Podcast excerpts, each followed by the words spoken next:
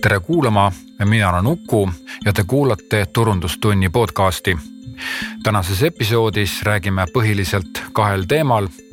kõigepealt äh, vaatame üle, mis asi on brändi hääl, miks on seda vaja ja millised on brändi hääle kirjutamise põhilised vead minu loovkirjutamise kursustelt. Teise teemana vaatame uut ja huvitavat ärilahendust bager.ee ning räägime juttu selle juhi ja algataja Rudolf Gustav Hanniga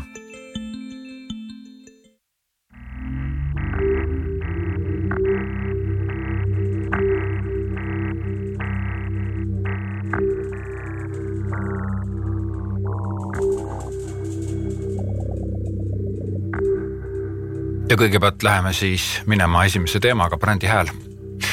Eesti keeles on selle asja nimi brändi hääl, aga inglise keeles on tone of voice ja ma pean ütlema, et tegelikult inglise keeles kõlab see sõna võib-olla või see termin natukene paremini, sellepärast et brändi hääl, siis vahest inimesed arvavad, et tegemist on nagu mingi häälega või no umbes, et kas meeshääl või naishääl või midagi sellist, et aga tone of voice on siis tone of voice ehk siis toon. tegelikult, kui me nüüd räägime, et mis asi see brändi hääl üldse on, ma kordan selle siin lihtsalt üle, et oleks kindel ja, ja brändi hääl mitte ei kirjelda seda, mida kommunikatsioonis öeldakse, vaid ta kirjeldab seda, kuidas öeldakse. ja see on, see on tegelikult kohutavalt tähtis asi, et, et noh, ma võin täiesti vabalt öelda, et kuule, anna mulle see kahvel sealt ja samas ma võin ka öelda, et palun, kas sa oleksid nii hea ja ulataksid mulle selle kahvli sealt? Okei okay,, võib-olla see oli natuke cheesy, aga ma ei hakka siin ka nagu lõpmatuseni üritama, et, et tegelikult te saite aru, et ühte ja sama teemat võib täiesti, täiesti erinevalt ütelda ja, ja jätta sealjuures äh, ütlejast täiesti teistmoodi mulje aga kui teie näiteks ütlete, et hei, äh, sina lenda kohale, meil on nüüd allahindlus algamas. või siis ütled, et äh, hmm, tead, mis huvitav asi meil sellel nädalal on? meil on algamas allahindlus ja, ja see ei ole mitte tavaline allahindlus. no vot nüüd siin ma fantaseerin jälle, aga nüüd,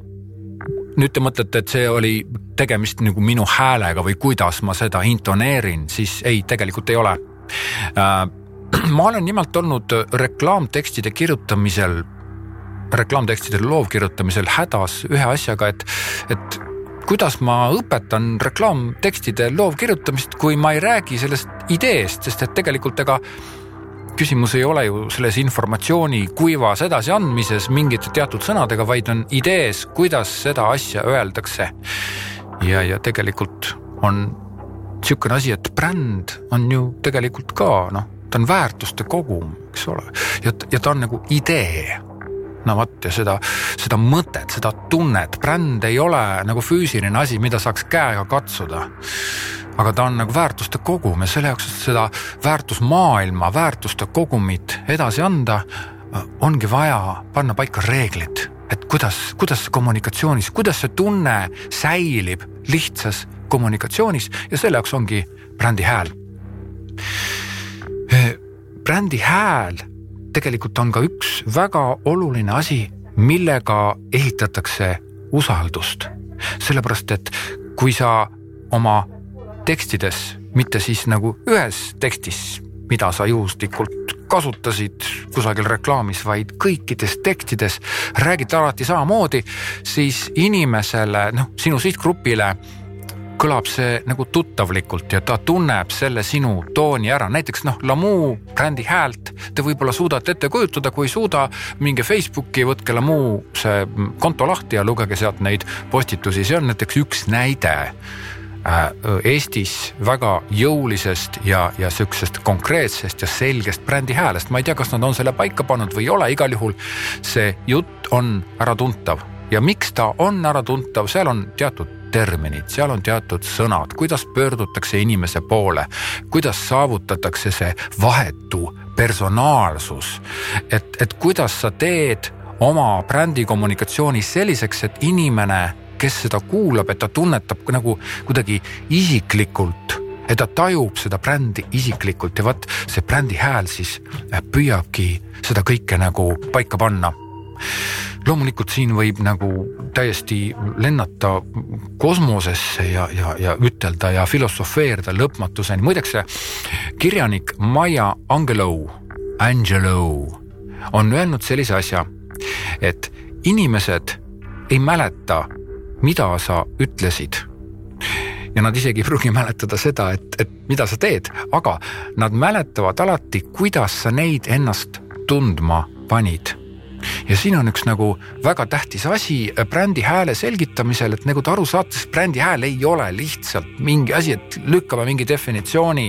kusagilt nagu võimalikult täpse nagu seaduse lükkame käima ja läks. et tegelikult brändi hääles on hästi palju sihukest tunnetuslikku ja, ja sihukest kogemuslikku informatsiooni mis on hästi oluline edasi anda. brändi hääl edastab brändi väärtuseid. Nii, seda ma tegelikult juba ütlesin, aga ta ka väljendab ettevõtte mõtteviisi, ehk siis see äh, brändi väärtused ja see väärtusmaailm ongi ju see, see, see mõtteviis. et kui ütleme, mõtteviis on näiteks, võtame sihukese lastetoitude firma nagu Ella's Kitchen kusagil UK-s tegelevad vist, eks ole, Inglismaal. siis kui sa kujutad ette, et milline see Kellas Kitchen on, siis kui ei kujuta ette, siis mine Ellas Kitcheni kodulehele eh, ja, ja vaata sealt seda, tunneta seda tunnet, siis, siis sa alati koged seda, et ta on sihuke alati isiklik, alati hoolitsev, alati hooliv, eh, kuidagi vanemlik, isalik, emalik ja, ja pigem nagu emalik siis selline. Samas on ta hästi sihuke sõbralik, natukene isegi sihuke lapselikult funny, lihtne, kerge, vaat, vaat vot see on ka tegelikult see, et kui te selle Ellas Kitcheni lugu uurite, siis selle Ellas Kitcheni looja on see isa, laste isa, kes hakkas lastele toitu tegema ja põhimõtteliselt noh, siis tegi, ma ei tea, naabritele, siis tegi, ma ei tea, kogu külale ja, ja, ja siis asutas oma lastetoitude tööstuse, et, et aga, aga see algne idee, see sõbralikkus, see oma lastele tegemise tunne on seal siiamaani sees. Ja see, see on tõeliselt uskumatu, et ma lausa imetlen seda Hellas Kitcheni brändi, et kuidas ta on, noh, see tema tootmine ei ole ju mingisugune enam keldris tegemine, vaid see on ju suur ja tehas ja, ja, ja, ja ma ei tea, liinid ja, ja ametlik asjaajamine ja särk-värk, et aga ta suudab hoida ja säilitada sedasama tunnet. ja see tunne ongi nagu see mõtteviis ehk siis selle firma looja ja asutaja mõtteviis, mis säde pani teda neid lastetoitlusi tegema, seesama tunne, see mõtteviis kõlab läbi reklaamtekstide nüüd brändi hääle puhul on õudselt tähtis see, et noh, et ega ütleme, kui sina, kes sa praegu kuulad, oled ise kas turundusjuht või oled siis ettevõtte umbes tegevjuht, turundusjuht ja ma ei tea, koristaja kõik ühes isiksuses, et Eestis on siukseid ettevõtteid väga palju, siis tavaliselt on niimoodi, et kui ettevõte kasvab natuke suuremaks, siis noh, võetakse tööle ka loomulikult mingil hetkel ka turundusinimesed ja, või siis palgatakse näiteks sisukirjutaja, ostetakse sisu kirjutamine sisse. ja, ja nüüd need inimesed ei pruugi päris hästi aru saada jah, te saite küll kokku, te arutasite läbi, aga nad võib-olla päris täpselt ei tunneta, et, et, et milline see tunne on. nüüd on hästi oluline, et, et on olemas mingi reeglistik, mille sa annad edasi teistele, kes loovad sinu ettevõttele sisu ja nemad läbi selle reeglistiku ehk siis brändi hääle jah, suudavad luua seda samasugust tunnet, seda samasugust teksti, seda samasugust brändi kogemust ja noh, siin on veel see värk, et isegi, et mitte, mitte nagu see, kellelt sa tellisid, aga see, kellelt sa tellisid, oli võib-olla firma, sisu tootmise firma ja, ja seal firmas on, ma ei tea, kolm-neli copywriterit, kes või sisutootjad, kes toodavad sisu ja, ja nemad siis nagu juba noh, seal on juba sinust arve, arvates kusagil neljas-viies-kuues inimene võib-olla. Aga et kas see kuues inimene, kes seda teksti päriselt siis algselt kirjutab, et ta suudaks seda tunnet seal hoida, siis öö, brändi hääl on, on väga oluline, ehk siis ta on nagu reegel, nii. nüüd vaatame üle, et kuna ma olen äh, reklaamtekstide kirjutamise koolitusi ja ainet Tallinna Ülikoolis andnud juba nüüd praeguseks juba paar aastat, siis, siis mul on kogunenud selline teadmine, ma ei ole, ma ei kirjuta üles, et oi, näe jälle keegi tegi midagi valesti, vaid mul on selline üldine hoiak, üldine tunne ja, ja üldine sihuke arusaam eh, põhilistest vigadest, mida tehakse ja ma mõtlen siinkohal, et, et mul on kasulik need teile nagu ette ütelda ja, ja arutleda nende üle, et see võib-olla aitab teil paremini paika panna äh, ettevõtte või brändi või miks mitte ka persooni brändi, brändi häält. punkt üks, brändi hääle kirjeldamisel ei kirjeldata mitte brändi häält, vaid ettevõtet. see on selline mm, tüüpiline viga noh, see ongi ilmselt mitte nüüd siis nagu viga-viga, vaid see on selline algaja võib-olla eksitus, väikene eksitus, eks ole, võib-olla ta ei saanud kohe aru, aga, aga seda tuleb nagu hästi palju ette, et brändi hääle kirjeldamisel peab kindlasti kirjeldama seda, seda tooni, neid sõnu, neid väljendeid näiteks kas sina või teie pöördutakse alati, kas nalja tehakse või ei tehta, kas tehnilisi väljendeid kasutatakse, ma ei tea, hästi tehniliste sõnadega või kasutatakse neid kuidagi mingite inimkeelsete sõnadega, et mitte transmissioon, vaid ülekanne näiteks. et, et põhimõtteliselt brändi hääl on ikkagi mingisugune kogumik sellistest nagu sätungitest, mis, mis ütlevad, et, et millist hoiakut peaksid tekstid kandma ja, ja milliseid sõnu ja ja näiteks ka milliseid fakte või argumente kasutatakse, aga siis eh, kindlasti ei tohi brändi hääl olla äh, siis ettevõtte kirjeldus. järgmiseks äh, on selline märkus mul, brändi hääl väljendatakse ainult nelja sõnaga teate siin ma olen tegelikult ise ka väga palju loomulikult vaata õpetajatest sa õpid kõige paremini ja ma olen loomulikult ka väga palju uurinud internetis, mida räägitakse brändi hääle kohta. jah, tõesti, ma olen leidnud, et brändi hääl vahest mõnedes internetipostitustest ja artiklites tõesti väljendatakse seda nii, et noh, et umbes, et asjalik, tehniline, austav, teietav ja ma ei tea, pannakse mingisugune neli-viis sõna ja korras nojah, aga, aga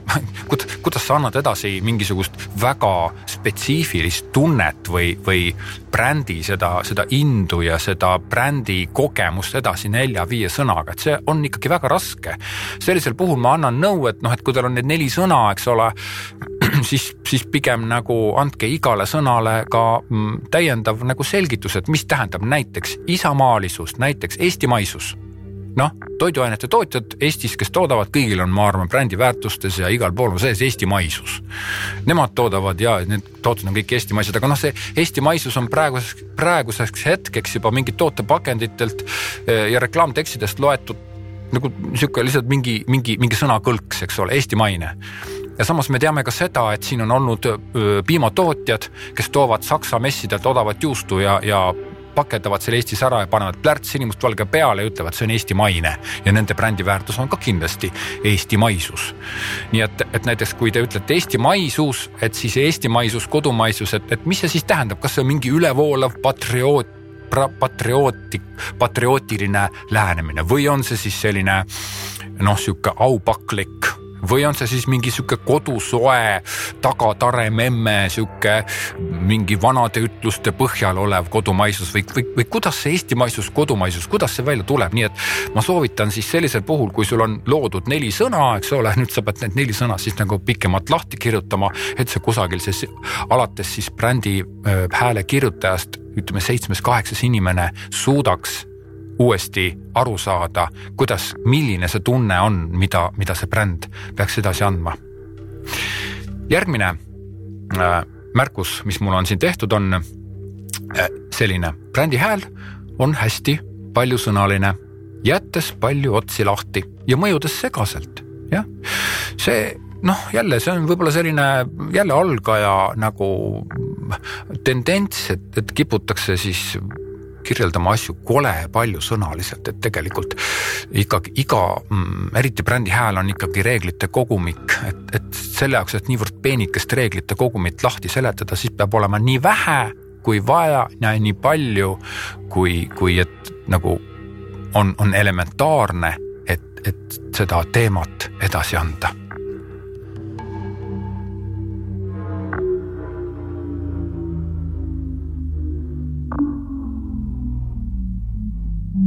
brändi hääle vigadega saime ühele poole.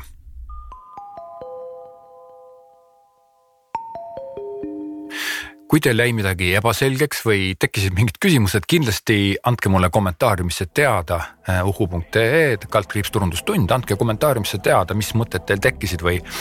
äkki ma seletasin kuidagi midagi võib-olla poolikult või,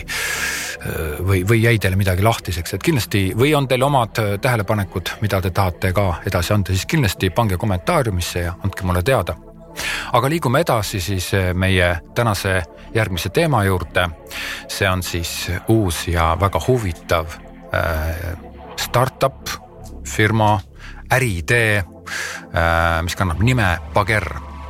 Äh, selle asutaja Rudolf Gustav Hanni ütleb selle kohta pager või pager, aga võib-olla minu kui vanakooli mehe jaoks tähendab pager võib-olla midagi muud. See oli mingisugune pisike vidi, vidin, mis oli seal vöö peal kunagi mingi aeg, natuke aega, millega sai sõnumeid saata ja vastu võtta. vastu võtta siis pigem jah, nii et, et see Pager, et ma ütlesin pigem Pager ja intervjueerisingi eh, Rudolf Gustav Hannit, kuulame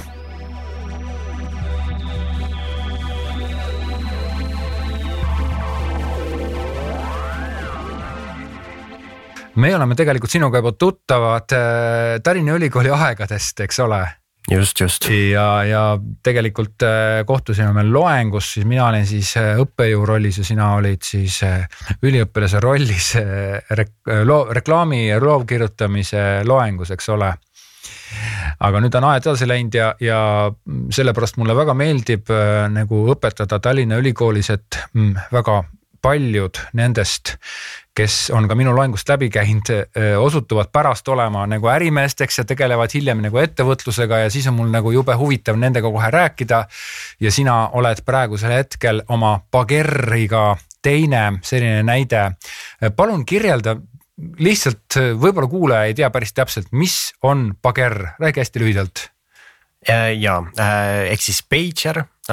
või, või eesti keeles öeldud, Pager on, on trüki eh, optimeerimise keskkond, ehk siis tegelikult me oleme võtnud eesmärgiks säästa puid, puid selliselt, et ära kasutada äh, nüüd trükikojade trükipoogna ülejääki. ehk siis täna umbes, kui sa kujutad ette ühte suurt paberilehte, kus pannakse erinevad siis äh, trükised korraga peale, et, et toota, siis sellest kuskil seitse kuni kakskümmend protsenti jääb valgeks, jääb tühjaks. täna see lõigatakse ära, visatakse minema trükikodades mis meie teeme, on see, et meie aitame trükikodadel see materjal ära kasutada. nii et miinimum miinimum seitse protsenti jääb tühjaks. Vau. keskeltläbi jääb jah see, see on ikka päris karm, et kui sa võtad ühe lehe ette ja jagad ta seitsmeks, siis ühe nii-öelda tüki võid ära visata selle seitsmendiku näiteks A4-st jah, need lehed on hästi suured. no ma saan aru et, jah, aga ikkagi seitsmendik, seitse on seitse, seitsmendik on seitsmendik, et see on ikka päris võimas ala. ja, ja see, see teadmine oli sul tegelikult juba kuidagi ennem olemas või kuidas see mõte, kuidas sihuke mõte tuleb üldse, kuidas sa selle peale tulid, ma ei saa aru see on tegelikult põnev protsess, et, et ma tegelikult olen ise oma kirjastust kaheksa aastat teinud, eks andnud välja erinevaid raamatuid ja kinketooteid ja ja, ja koostööd teinud trükipartneritega üle, üle Baltikumi tegelikult. Ja tegelikult, kui ma ükskord nüüd ühe suurima Eesti trükikoja juhiga maha istusin ja tema rääkis mulle, et nad viskavad ära umbes seitse protsenti ehk siis umbes kahesaja tuhande euro väärtuses paberit iga aasta. Ja ta küsis minult, et ega mul ei ole tooteideid, mida sinna peale võiks teha, mingeid, mingeid kihvte asju. ja ma hakkasin mõtlema, et seda on ju väga palju et, et ma nii palju lahedaid asju ise ei suuda välja mõelda. ja sealt tegelikult tekkiski see idee, et meie saame selline, selle Pageri lahendusega, sellise online tellimuskeskkonnaga anda sellesama võimekuse igaühele kasutada. et, et me saame selle ühelt poolt ära kasutada ja teiselt poolt pakkuda neile, kellel, kellel on midagi trükkida, seda, seda materjali sest tegelikult äh, ma ütleme, ma ei ole nüüd päris nagu trükiasjanduses niivõrd kursis, ütleme, kui kindlasti need, kes tellivad ja tee, trükivad igapäevaselt, aga ma tunnetan siin seda, et tegelikult on tegemist teie puhul ka omaette akseleraatorkeskkonnaga, mis ühendab ühelt poolt äh, trükiteenuse tellija, teiselt poolt nagu trükikodasid, eks ole, kas see on niimoodi või? just, et, et ühelt poolt meil on, äh, on trükivõrgustik, see tähendab need erinevad trükikojad, kes liidestavad meie süsteemiga ennast ja iga, igal hetkel, kui neil tühja ülejääki jääb, pärivad meilt, et okei okay,, kas teil on mingeid äh, tellimusi pakkuda. ja teiselt poolt on meil kliendid, kes tellivad e-, ette ära ja need tellimused jäävad siis nii kaua ootele, kuni, kuni esimene pakkuja seda ülejääki mm, äh, pärib meie käest. ja seda me oleme ka selles mõttes lahendanud, et kliendil on võimalik valida see tähtaeg, et kas, kui on kiire töö, näiteks on vaja järgmiseks päevaks, kolmeks päevaks, nädalaga, siis, siis see läheb nii-öelda prioriteedis ettepoole ja kui on rohkem aega, siis, siis on võimalik saada palju soodsamat hinda ja siis tegelikult see, see on, see on sihuke omamoodi, nii nagu internetis öeldakse mm, videote, laulude ja, ja näiteks podcast'ide kohta öeldakse, et äh, content on demand, siis see on nagu trükiteenus on demand, ehk siis sa esitad tellimuse ära ja sellel hetkel, kui see vaba slot või nagu mm, nii-öelda sahtel või kuidas ma ütlen, see vaba koht avaneb, sellel hetkel see tellimus saab, saab jõusse. Mis on, mis on tegelikult ju, ju väga geniaalne, kas sul on ka mingisugust ülevaadet, kas maailmas kusagil midagi taolist juba on olemas ka või? et täna, täna kõik trükikojad, trükivahendajad, kõik pingutavad selle nimel, et oma tellimusi võimalikult efektiivselt äh, siis paigutada. ehk siis see kadu oleks võimalikult väike. aga sellist, äh, teist sellist keskkonda, mis siis koondab ja pakub seda lisaressurssi, lisatellimust iga selleks hetkeks, kui, kui enda tellimustest ei ole võimalik ära kasutada, me täna veel ei tea, me ei ole leidnud, et äh, et kindlasti, kui kuskil, kuskil maailma otsas sellist sarnast ideed tehakse, siis me hea meelega vaataks täpsemalt, et mis, mis nende see eduvalem või, või läbi äh,, läbikukkumised on olnud, et, et palju õppida, aga täna me veel ei ole leidnud seda. aga nüüd ütleme, et kui ma nüüd seda kuulen ja kui ma nüüd üritan sind võib-olla natukene hästi noh, niimoodi pehmelt kompromiteerida, siis tegelikult omamoodi see teenus ähm, ja see, see, see lehekülg ja see business tegelikult ta ju ka rõhutab seda, et et trükikojad raiskavad paberit, et sa ju tegelikult sellega, kui sa oled trükikoda, sa ju ütled, et jah, me päriselt ka raiskame paberit, kas see ei ole kuidagi negatiivne trükikodadele? ei, me pigem, pigem näeme ikkagi seda, et, et kui trük, trükikoda liitub ja ütleb ka, et näed, meie teeme koostööd, siis me, siis tegelikult nad on valmis muutma, tegelikult kõik trükikoja inimesed ja tööstuses olevad inimesed teavad seda, et et materjali, materjali kadu selline on ja, ja mõneti vaadatakse, et see ongi paratamatu, see, see peabki nii olema, nii on alati olnud, et et täna me pigem näeme seda, et need, kes on valmis, valmis muut-, muutma ja paremini optimeerima, et, et see on neile boonus see, kui nad saavad öelda, et jah, et me küll raiskame, aga nüüd koos, koos sellise lahendusega me püüame seda veel paremini ära, ära lahendada mm. -hmm. niimoodi, et tegelikult teie puhul äh, jällegi, kui ma nagu vaatan seda oma vaatenurgast, et mina esindan praegusel hetkel siin X generatsiooni, mis on nagu põhimõtteliselt vanurid juba peaaegu, no ei ole vanurid, aga ma esindan seda generatsiooni, sina esindad Z-generatsiooni vist jah? oled sa ise teadlik sellest? üheksakümmend kuus. no, no mis see siis on? ja, ja ühesõnaga, et ühesõnaga, et tegelikult see äri on ülimalt tõhus ja samaaegselt lahendab maailmas väga olulist raiskamise probleemi, et ta on tegelikult eetiline, kuidas ma ütlen, eetilisus on siia ärisse sisse kirjutatud juba, eks ole, ehk siis teie teenite raha, tehes väga eetilisi nii-öelda aktsioone või tegusid. et, et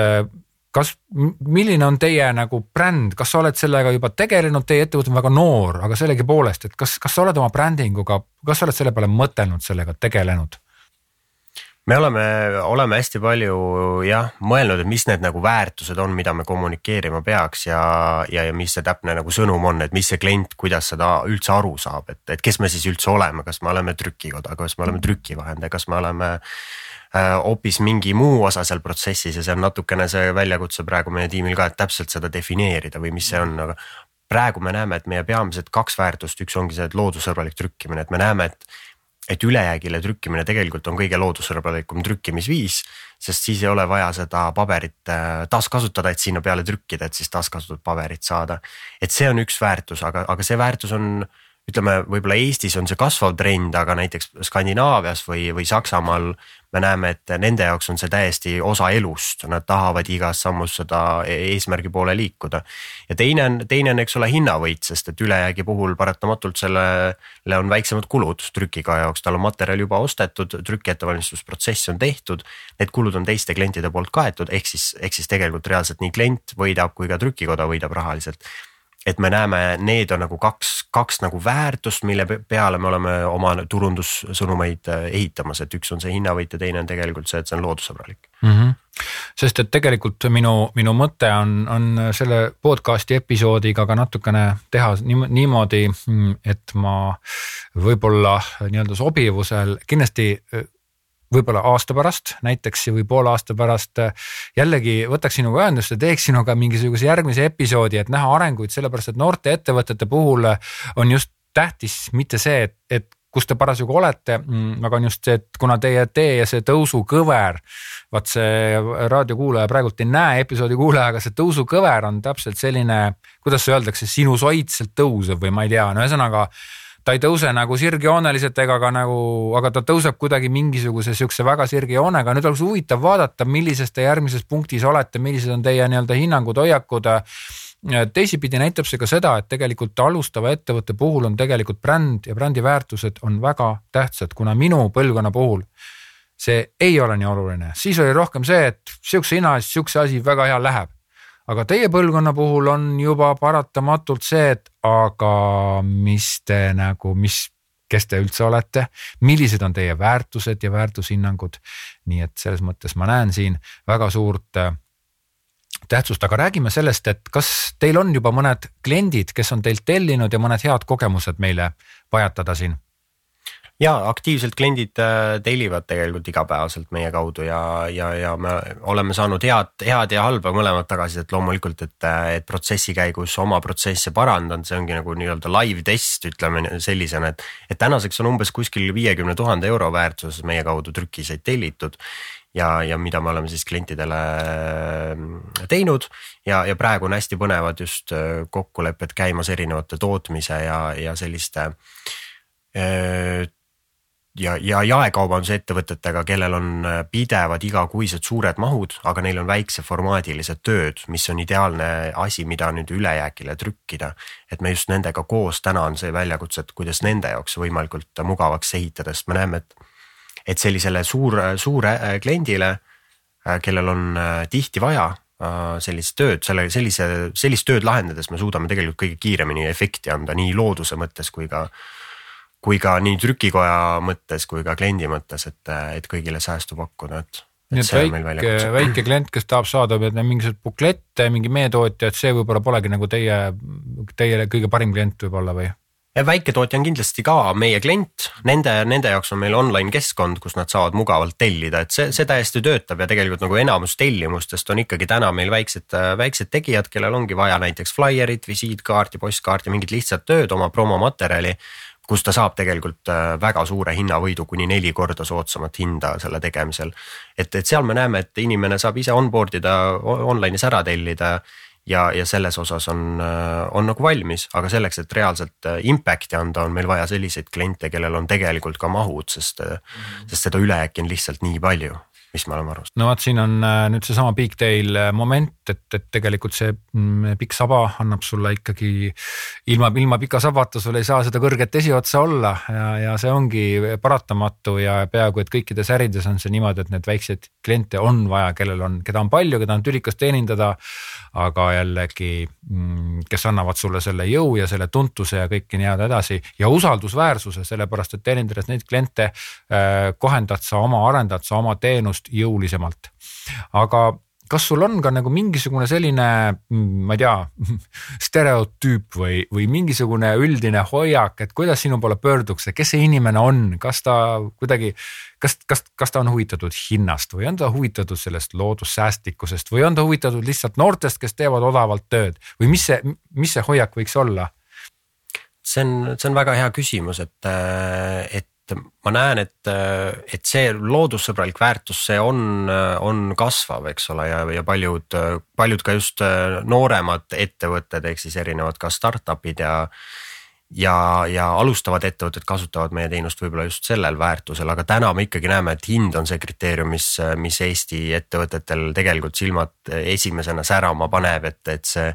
et see on see, mis me ka enda hüpoteesis näeme, et, et mis on nagu vahe, ütleme Eesti või Baltikumi versus Skandinaavia või Kesk-Euroopaga, kus, kus see tegelikult väärtus on teistpidi, et. et seal sa võid, inimene eelistabki loodussõbralikku lahendust ja nõus rohkem maksma, täna meil Eestis on see ikkagi lapsekingades, ma ütleks mm. -hmm. pisut teistpidi, te olite hiljuti Äripäeva kusagilt ma nägin teid internetist või best marketingist või ma ei mäleta, kuskohast, igal juhul see argument, mida te mm, seal kaitsesite, oligi just nimelt mitu puud te säästate või ma ei tea, üks puu päevas või mis see, kuidas see oli? kuni kakssada tuhat puud on see eesmärk selleks Aha. aastaks ära säästa, et see on see tegelikult see maht, mis täna trükikodades Eestis äh, siis ülejäägina raisku läheb sest et noh, tegelikult on niimoodi, et kui ma nagu olen kuulnud või no ma olen natukene olnud kursis, mitte küll väga sügavalt teie, teie tegevustega endiselt, siis säästa kaks tuhat kakssada tuhat, kakssada tuhat jah uh, uh, uh. see on päris mitu puud. säästa kakssada tuhat puud, see minu jaoks tundub nagu jube noh hästi äge või, või kihvt või siukene. aga noh, nii nagu sa praegusel hetkel kuulsid, et ma ütlesin kakssada või kaks tuhat või kaks, et noh, et järelikult see, see number võiks olla mingi kakssada üheksakümmend üheksa tuhat seitsesada kuuskümmend kaheksa, et siis ma ei hakka koperdama mingi kaks, kaks midagi okei okay,, see, see oli lihtsalt sihukene võib-olla väikene mõttearendus, aga see tundub mulle nagu väga elujõuline ja tugev. kas sellega on keegi juba äkki mingit tagasisidet olete saanud ka selle Äripäeva äh, teema peale? Ja selles mõttes, et ühelt poolt on huvi, huvi kasvanud ja teiselt poolt me olemegi mõelnud, et kuidas seda tegelikult seda kogu teemat inimesele arusaadavaks teha, et see on see kommunikatsiooni väljakutse, et. et kui ma räägingi ülejäägi tonnidest ja ja, ja, ja sellest, sellest protsessist, siis see on nii kuiv ja nii keeruline tava, tavakliendi jaoks, et kus üldse, et, et mis mõttes mul on A4 paber, et ma trükin, et mis seal siis nagu üle jääb või, või nagu sellised teemad, et. et, et see nii-öelda eluliselt arusaadav oleks, et sellepärast see puu, puudesse arvutamine tundub, on sihuke asi, millest inimesed aru saavad. see mulle õudselt meeldib ja, ja tegelikult ma pean ütlema seda, et väga paljudel Eesti ettevõtjatel on sama probleem, mis, mis teil, lihtsalt teie olete niivõrd noored ja te ütlete selle niivõrd selgelt välja, te arutate seda niivõrd nii-öelda nii-öelda läbipaistvalt. aga väga paljud ettevõtted veel ei tea, mis on nende see nii-öelda, mida nad ja mismoodi teevad, see mida mulle meeldib öelda, see viieteist sekundi pitch, eks ole, et sa pead viieteist sekundiga ära ütlema kogu oma tegevuse, mida sa teed, kust peab välja tulema kogu sinu äriidee, et see. aga, aga teie puhul on nagu väga, väga võluvalt ja lihtsalt ja selgelt on näha, kuidas te seda arutate, kuidas te seda otsite, et brändingu mõttes ja brändi example'i näite suhtes olete te väga sihukene koloriitne ja värvikas tegelane kellel on nagu lihtne idee ja te seda ideed nii-öelda vormindate ja vormistate, ehitate talle brändi alustala, mis on, mis on tegelikult väga kihvt nagu kõrvalt vaadata, et et äh, kindlasti on, on ajas väga huvitav, äh, võib-olla isegi oleks kümne aasta pärast nagu teiega huvitav rääkida, et kindlasti jah aga kui me nüüd räägime täna siit äh, sellises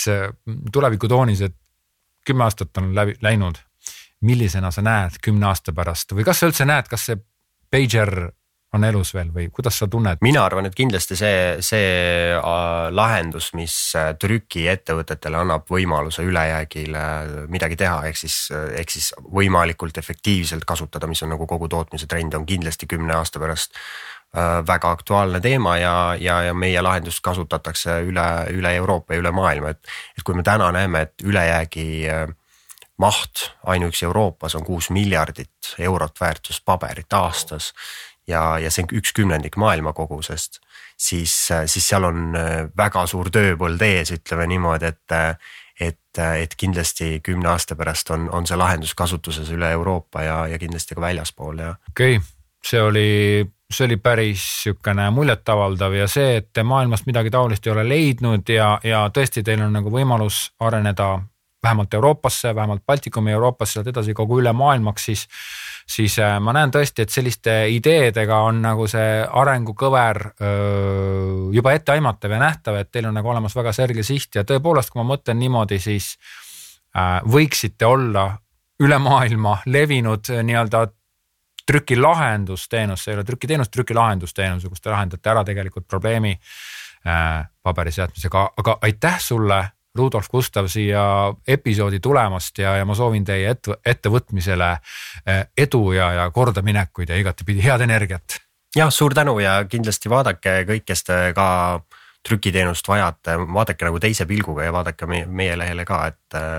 et kuidas koos tegelikult annab, annab seda väljakutset lahendada. korda see aadress veel üle. Pager.ee on siis meie eestikeelne leht, kus saab, kus saab meie tegemisi jälgida ja tellida trükiseid online'is Pager kahe R-iga jah? Pager kahe R-iga jah, punkt ee. kena, aitüma. aitäh.